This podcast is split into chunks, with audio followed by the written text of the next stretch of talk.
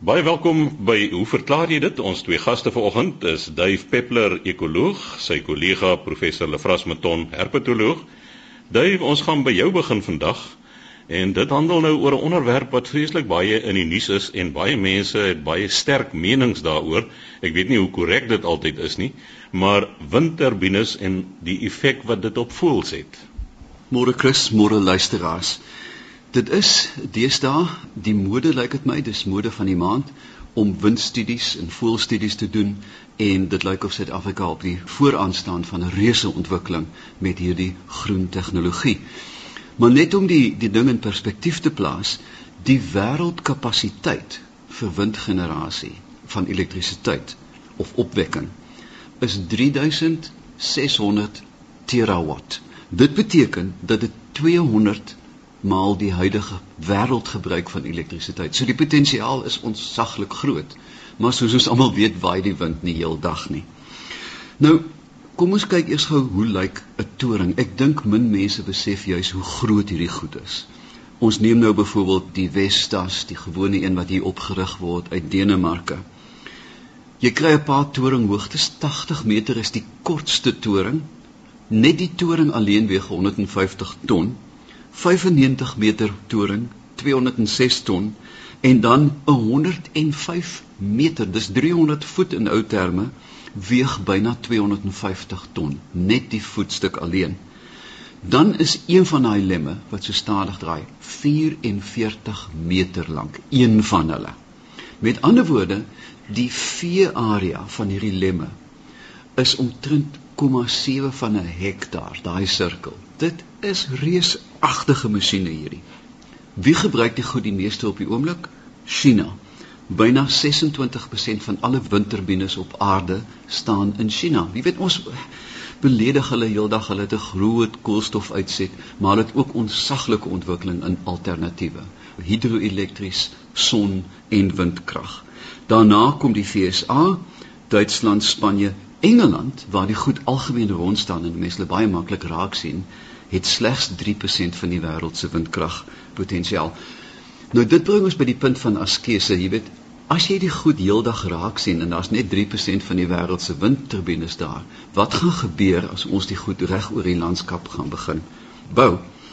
Nou, die voordele van hierdie tegnologie is uiteraard die potensiaal, soos ons voorheen gesê daar is ontsaglike potensiaal Dis 'n groenbron natuurlik en dit maak dit baie aantreklik nadat die koolstofvoetspoor van die skepping of die fabrikasie van die ding klaar is, daarna vir die volgende 30, 40 jaar is dit gratis. Solank die son skyn, sal daar wind wees. Uh, mens bring dit nie altyd in verband nie, maar dit is eintlik wat winde veroorsaak is hitte en koue wat die atmosfeer versteur. So, solank die son gaan skyn vir die volgende X biljoen jaar, sal daar wind wees. Daar sal altyd wind wees met politiek en son is daar wind. Die pryse het sedert 1980 met 60% gedaal. Want daai dae was dit nie in die mode nie, in die brandstofkrisis was nie so so ernstig nie. Die goed is ook volkome selfonderhoudend. As jy meer opgesit het, is daar nie baie soos die ou mense gesê het, grease nipples, jy hoef nie olie af te tap nie. Die uh, masjinerie hou baie lank en jy kan dit uiteraard kombineer op die staanplek met geotermiese energie wat ons nie in baie in Suid-Afrika het nie, maar ook met sonkrag. Maar nou dink ons aan die nadele. Diere vlieg in die lemme vas of so word beweer. Ons gaan dit nou bespreek. Die wind is onvoorspelbaar. Jy kan nie die wind voorspel nie. Ek dink die Bybel sê dit ook eers. Die koste-effektiwiteit is nog steeds debatteerbaar want die meeste van hierdie tegnologie word swaar gesubsidieer En dan natuurlik ook die goed staan in die landskap. Ek was die week by Vleesbaai, een van die belangrikste kultuurhistoriese plekke in Suid-Afrika. Dit is waar die Portugese in 1488 die eerste keer voet aan wal gesit het. En nou word daar beplan om teen die horison agter hierdie pragtige baai windturbines te bou. Dit kan mos nie. Jy kan mos nie die goed op Tafelberg op Blombos waar ook al. Hierdie is heilige grond en dan moet 'n mens ook hierdie oorweging sê wat gaan dit doen aan die landskap. Gisterand toe ek navorsing doen vir hierdie program, vind ek uit dat dieselfde dag in die Journal of Applied Ecology, Lefrasie sal weet dis 'n baie gesiene vaktydskrif, het die RSPB die British Society for the Protection of Birds 'n fantastiese studie neergesit en gesê dat die skade wat hierdie turbines aan voëls doen is absoluut gering. Nou ja, nou moet jy weet dis nou Engelse voëls, dis nie kraanvoëls nie. Ons moet versigtig wees met dat mense hierdie goed ekstrapoleer na die res van die wêreld toe. Wat hulle wel gevind het dat die grootste skade word aangerig terwyl konstruksie besig is. Die vragmotors wat hierdie onsaglike lemme en voetstukke goed ronddra, rig veel meer skade aan want baie voëls is seisoonaal met 'n broeityd ry hulle by 'n vlei verby, al die vleikuikens vlieg weg ensovoorts ensovoorts. As hulle eers staan, is die skade absoluut gering en dan bring hulle hierdie skrikwekkende statistiek na vore. In Amerika byvoorbeeld is die windskade aan voëls by turbines 20000 voëls per jaar. Maar moenie skrik nie. As jy dan kyk dat die skade van voëls wat doodgeskok word aan die kraglyne wat wat hierdie uh, apparate bedien, is dit 175 miljoen voëls wat elke jaar doodgeskok word. En toe laat dit my dink, wat van die honderdduisende indien nie etlike miljoene voëls wat deur motors doodgery word nie. Ons moet hierdie ding werklik in perspektief sien. En nie nou skielik sê ja, weet omdat 'n windmeul is, binne soos 'n eierklitser, hy gaan die voëls opklits. Daar kan ek net vra die spoed waar daardie lemme beweeg. Soos wat ek gesien het, is dit glad nie so vinnig want die meeste van die tyd is dit 'n relatief stadige draai. Met ander woorde, die meeste voëls is dagvoëls, so hulle gaan dilemme baie goed sien. Ongelukkig Leflas, as jy kyk na die lemme wat draai, sien jy net die binnekant van die lemme. Die lempunt in sommige gevalle beweeg na aan die spoed van klank. Jy verstaan? En nou moet jy weet hierdie ding is 44 meter lank. Nou as die binnekant sê net maar teen 20 revolusies draai, jy weet, loop daai lempunt teen 'n onsaglike spoed. En dit is waar die probleme kom. Dit is nie die binnekant wat die voëls tref nie, dis die lempunte wat hulle tref. En 'n mens besef dit nie. Hier kom 'n baie interessante storie. Maar nou ja, wat moet 'n mens dan doen om skade te beperk? 1. Bly weg van slaapplekke. Baie voëls slaap saam. Kraaie, dit wat saam in bome slaap. Migrante soos klein rooi valke wat in hulle tienduisende in 'n groep bome. Jy mag eenvoudig nie 'n windgenerator naby so 'n plek opsit nie hoofsaaklik ook omdat baie voëls in die somer vir al die besoekers na donker vlieg om by hulle slaapplekke uit te kom en dan kan jy eenvoudig nie bekostig om in 'n lem vas te vlieg wat jy in elk geval nie kan sien nie. Jy kan nie ligte aan die goed sit nie want dit sal 'n verskriklike ligstering dan weer wees. Jy verstaan?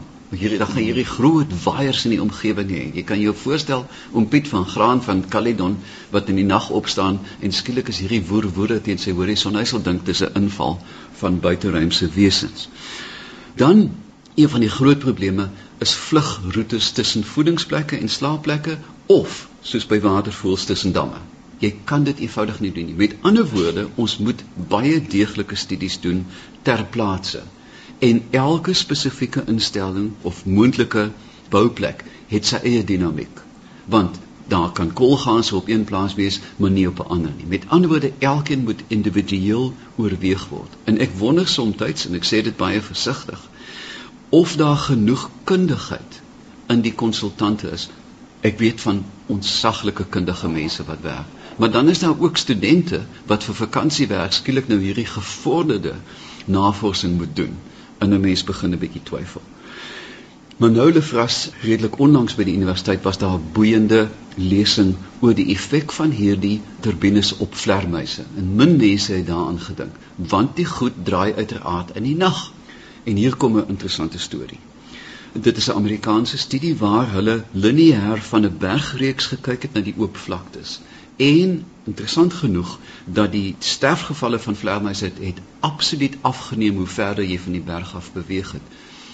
Om 'n baie eenvoudige rede omdat die bergreekse as migrasieroetes, as bakens vir vleermuise wat migreer, gebruik word.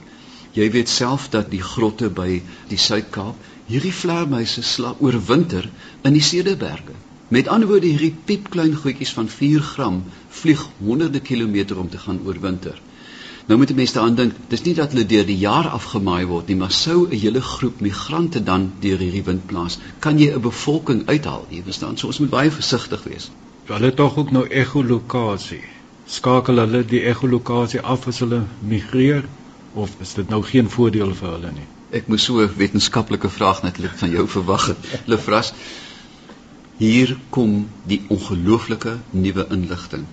Hulle echologeer laat dit bars en hulle vermy dilemma en dan gebeur die ondenkbare dat die draaikolke van die wind wat die Engelse noem die vortex is so erg waar hierdie punte draai dat die vlermuise wat naby dit etlike meters van dit verbyvlieg se longe bars as gevolg van dekompressie. Met ander woorde, daai vlermuis vermy die lem met 2 meter en dan tref hy die draaikolk en dan ontplof sy longe of implodiseer na binne. Hoekom gebeur dit nie met voëls nie omdat hulle lugsakke het en hulle kan die lugdruk reguleer. Maar die stomme vlermuis het gewone longe soos ek en jy en daar val hy ongeskonde uit die lug met flinterslonge.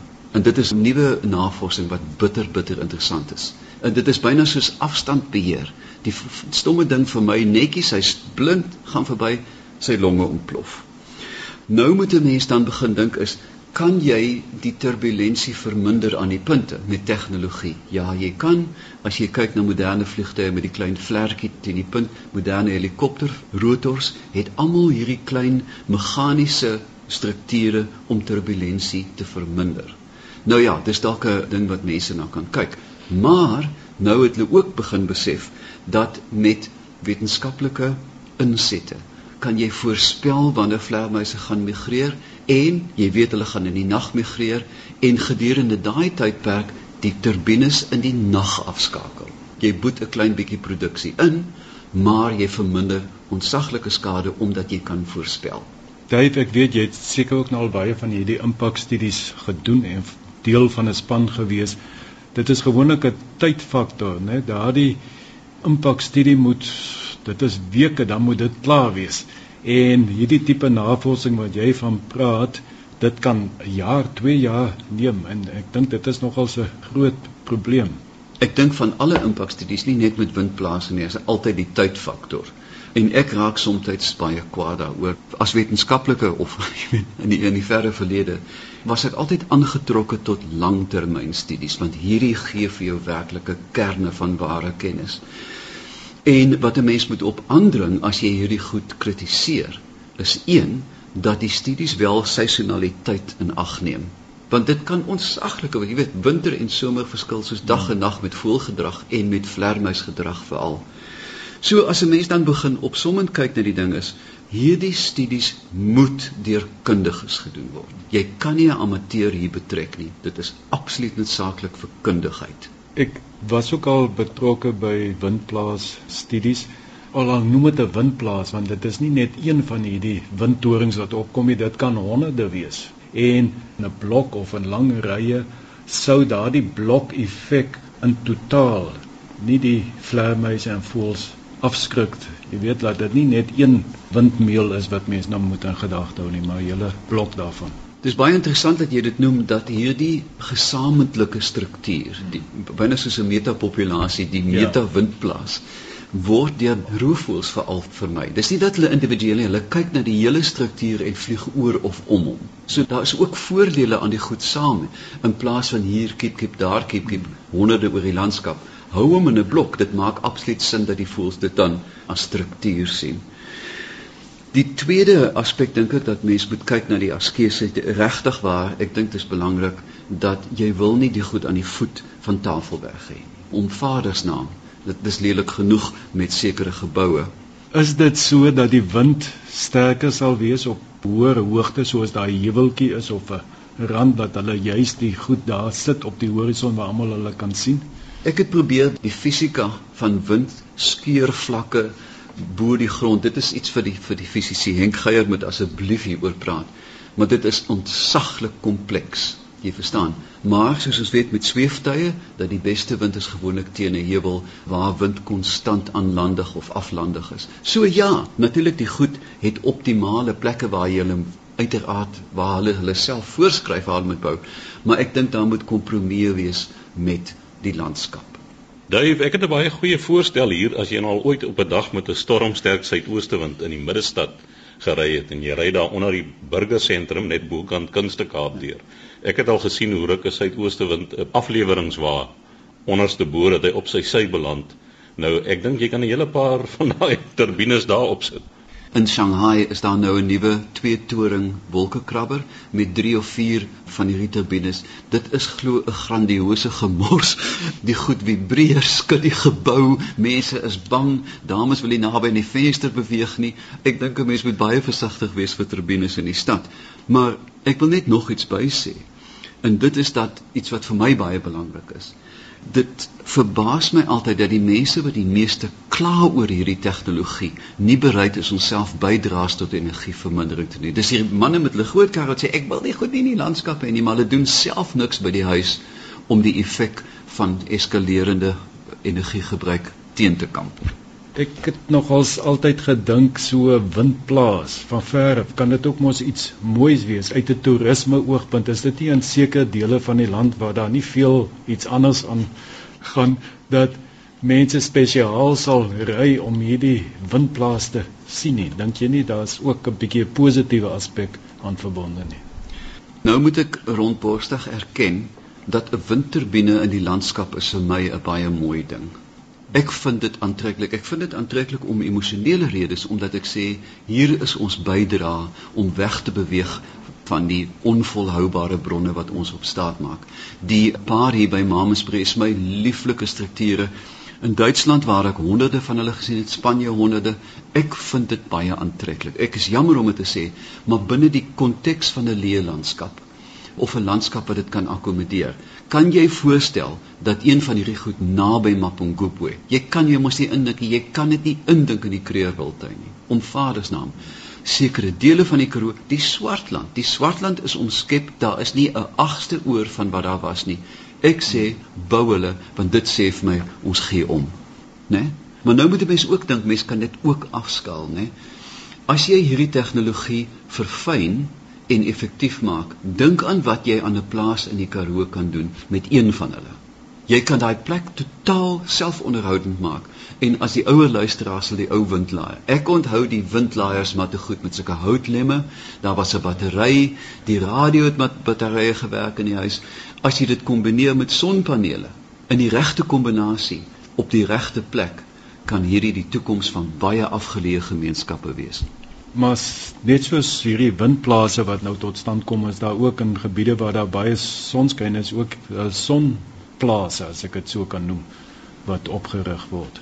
Kom ons probeer dit terugbring 'n bietjie want ons gesels nou so lekker oor die tegnologie. Daar is wel nadele aan selfsonplase ook. Die ewige skaduwee want die goed word redelik dig op mekaar gemaak en dan die verlies aan produksiegrond. Hierdie panele is nie hoog op bene nie, hulle is redelik laag. Jy kan nie 'n skaap onderdeur stuur nie, wel 'n akedus lefras. Hmm. Maar ek dink ook dat in eh, Suid-Afrika uh, leen hom by uitstek om hierdie tegnologieë te kombineer. Jy verstaan, die nadeel van hulle is soos met enige elektrisiteit is wat doen jy met die surplus? Jy kan dit nie maklik stoor nie. Nuwe tegnologie kom aanlyn waar hulle byvoorbeeld lig onder druk plaas reuse opgaartanks wat dan met kompressors gevoer word en dan piektye kan jy die wind loslaat en turbines weer aandryf. Maar dis koestig net soos die hidro batterye baie koestig is maar tog vir jou nie energie totaal verlore laat gaan nie. Ja Dave al wat ek kan byvoeg daarbey as hierdie windturbines so 'n klompie eeue gelede al bestaan het vermoed ek was Don Quixote en Sancho Panza lankal in die vergetelheid gewees en het die wêreld letterkunde hoe genaamd nie van hulle geweet nie. Maar nou ja, dit is dan Dave Peppler, ons ekoloog wat so gesels. Nou Lefras, jy het 'n interessante vraag ontvang oor verkleermannetjies. Ja, Chris, ek weet nie of ek 'n antwoord hier op het nie, maar ek het 'n e-pos ontvang van Karen van Wyk van Graafrenet. Sy sê ek is hoof van 'n pre-primêre skool hierso op die dorp. Die kinders kry die laaste tyd gereeld verkleemannetjies waarvan die oë uitgepik is onder die bome van die skoolterrein. Watter voël sou die sondebok wees of watter ander verklaring kan daar dalk wees? Nou, dadelik dink ek ook sommer aan kraaie en lammes, maar ons gesels gou 'n bietjie oor op dit moontlike voël kan wees. Ek het nog nooit voorheen van so iets gehoor nie. Ek het dadelik gedink Jan Fiskaal is dit 'n moontlikheid en dink ek ook hoekom sal 'n voël 'n Jan Fiskaal oë uitpik. Dit gaan om 'n tydjie vat, 'n verkleemmannetjie. Julle almal het 'n verkleemmannetjie gesien. Dit is net so 'n swart kolletjie wat daar uitsteek waar die oog moet wees en dis 'n stewige vel wat om die oogbol is. En dit gaan daardie Jan Fiskaal 'n tydjie vat om daardie oog uitgepik te kry en dan hoeveel energie het hy gemors en hoeveel tyd het hy gemors? Is dit sou dit die moeite werd wees by gevoel is nee, hy kon in daai tyd 'n hele paar insekte gevang het of iets anders. En dan dink ek ook, kom ons sê dit is 'n Jan Fiskaal, dan moet dit 'n aangeleerde gedrag wees van 'n enkele voël en dit het nou maar net gebeur. Enigiets is moontlik in die natuur. So ek sou eerder dink en dit het ek al baie gesien wanneer 'n dooie verkleemmannetjie veral maar ook enige ander akedus wanneer hulle daar op die grond lê hulle is reeds dood dan omdat die oog vol vog is baie vog in so dit duik in die hele oogkas duik in en die indruk wat mens kry is dat die ding is sonder oë as hy daar die dooie karkas lê mure as 'n ding dood daar op die grond gelê is, die mure vinnig by, hulle kan nie deur die vel eet nie, maar hulle kan wel by die oog inkom en waarskynlik daar uit eet en dit kan die die indruk skep dat die oë uitgepik is. Lefras, ek was uh, totaal verstom oor die vraag, jy weet, want ek het dit ook nog nooit raak gesien in 'n bitter bitter lang leeftyd nie. En ek stem saam, ek dink mure. Mure sal dadelik die oog betrek. Ek sien dit by ander diere ook by 'n muis. As jy 'n muis in die veld kry, kyk na die kop, 'n vars muis, die mure werk aan die oë want daar's vog en dit gee toegang tot die liggaam. En ek dink dat die die luitjies wat opgetel word is nie vars nie hmm. en dat hulle dalk al op geruime tyd en moontlik deur iets anders gedood is. Dit is ontstellend dat hulle so gereeld gesien word, want dit is blykbaar nie een wat gevang is nie. So, is daar gif gespuit het die verkleermannetjies dalk van iets anders gevrek en hoekom word hulle so gereeld gesien? As dit net een was, kan 'n mens nog sê ag, is 'n vloek, maar hier is blykbaar meer. Maar dit bring mense dan tog ook by ander voels wat dan nou wel so sê die mense oë uitpik en uh dink aan kraaie want ek het nou maar groot geword met almal praat kraaie is lamptyd dan as hy lammetjie gebore word as die kraaie daar en hulle sal die oë van die lammes uitpik. Ek gaan kyk toe so 'n bietjie op die internet en net kyk of ek 'n bietjie inligting kan kry en die eerste ding wat ek toe sien is so 'n kort video snit en die vrou was toe nou baie opgewerk en sê maar dit is die grootste nonsens kraaie pik nie die oë uit van lammas en die mense moet ophou die kraaie skiet want dit is altyd iemand anders het dit gesien. As jy moet 'n boer praat neem maar sy buurman of buur boer het dit gesien. En nooit die mense self nie. Ek het toe so 'n bietjie getoets hierso in die omgewing om my en almal wat ek vra ja ja hulle pik die oë uit. En ek is seker daar's 'n klomp boere wat nou regop sit. En ek sou graag wil hoor of mense dit werklik gesien het want dit maak tog vir my sin. 'n kraai is 'n opportunistiese voël en hulle slim voëls en en my gevoel is dat ja ek kan insien dat dit tog wel kan gebeur. Lefras ek dink 'n mens moet hierdie ding baie versigtig benader. Ons weet die ou storie van die bakoorjakkals wat lammers eet die Kaapse vos wat lammers eet. En as jy krities gaan kyk vreet hulle wel aan diere wat reeds dood is Ja, kraaie pik wel oë uit, maar is die lam dood of het hy hom lewendig verblind? En ek het 'n sterk vermoede dat dit dooie, want dit is toegang tot die liggaam. Baie diere gebruik die oogkas of die anus of urogenitale openinge om binne te dring, want die vel is taai, né? Maar ek dink dat as ons luisteraars wil inskryf, sou ons baie graag wil hoor wat hulle dink van die saak. Ek dink dit is as jy groot geword het met die wete kraaie pik oë uit van lammes en jy sien dit 'n kraai by 'n lamme sit, dan is hy besig om die oog uit te pik. Dit is maar soos 'n mens se kop werk. En uh ja, ek sou ek stem saam met jou. Ek sou graag wil hoor of daar werklik sulke situasies is. Ek het so op die internet gelees en daar word allerlei redes aangevoer. Hoekom sou 'n kraai dan nou 'n lamme se oë uitpik? Dit is so sê hulle om die lamme te verblind en dan kan hy nou na die tyd as die lamme eers dood is, dan kan hy nou verder kom eet. Maar weer eens, dit is klop moeite vir 'n kraai om daai twee oogies te bekom. Ek weet nie hoeveel voedingswaarde. Wel 'n oog kan redelik groot wees, maar kraai is ook 'n groot voël. Is dit die moeite werd? Want in die natuur gaan dit daaroor. Koste teenoor wins. Wat kry jy daar uit? Hoeveel energie sit jy daarin? En natuurlik moet dit so werk dat jy moet meer energie inkry as wat jy spandeer. Bevras ek weet nou, kyk kraaie is baie slim. Dit weet ons korvidei reg oor die wêreld is slim goed. Hulle maak melkbottels oop, jy verstaan, hulle steel ouma se haarnaalde ensovoort.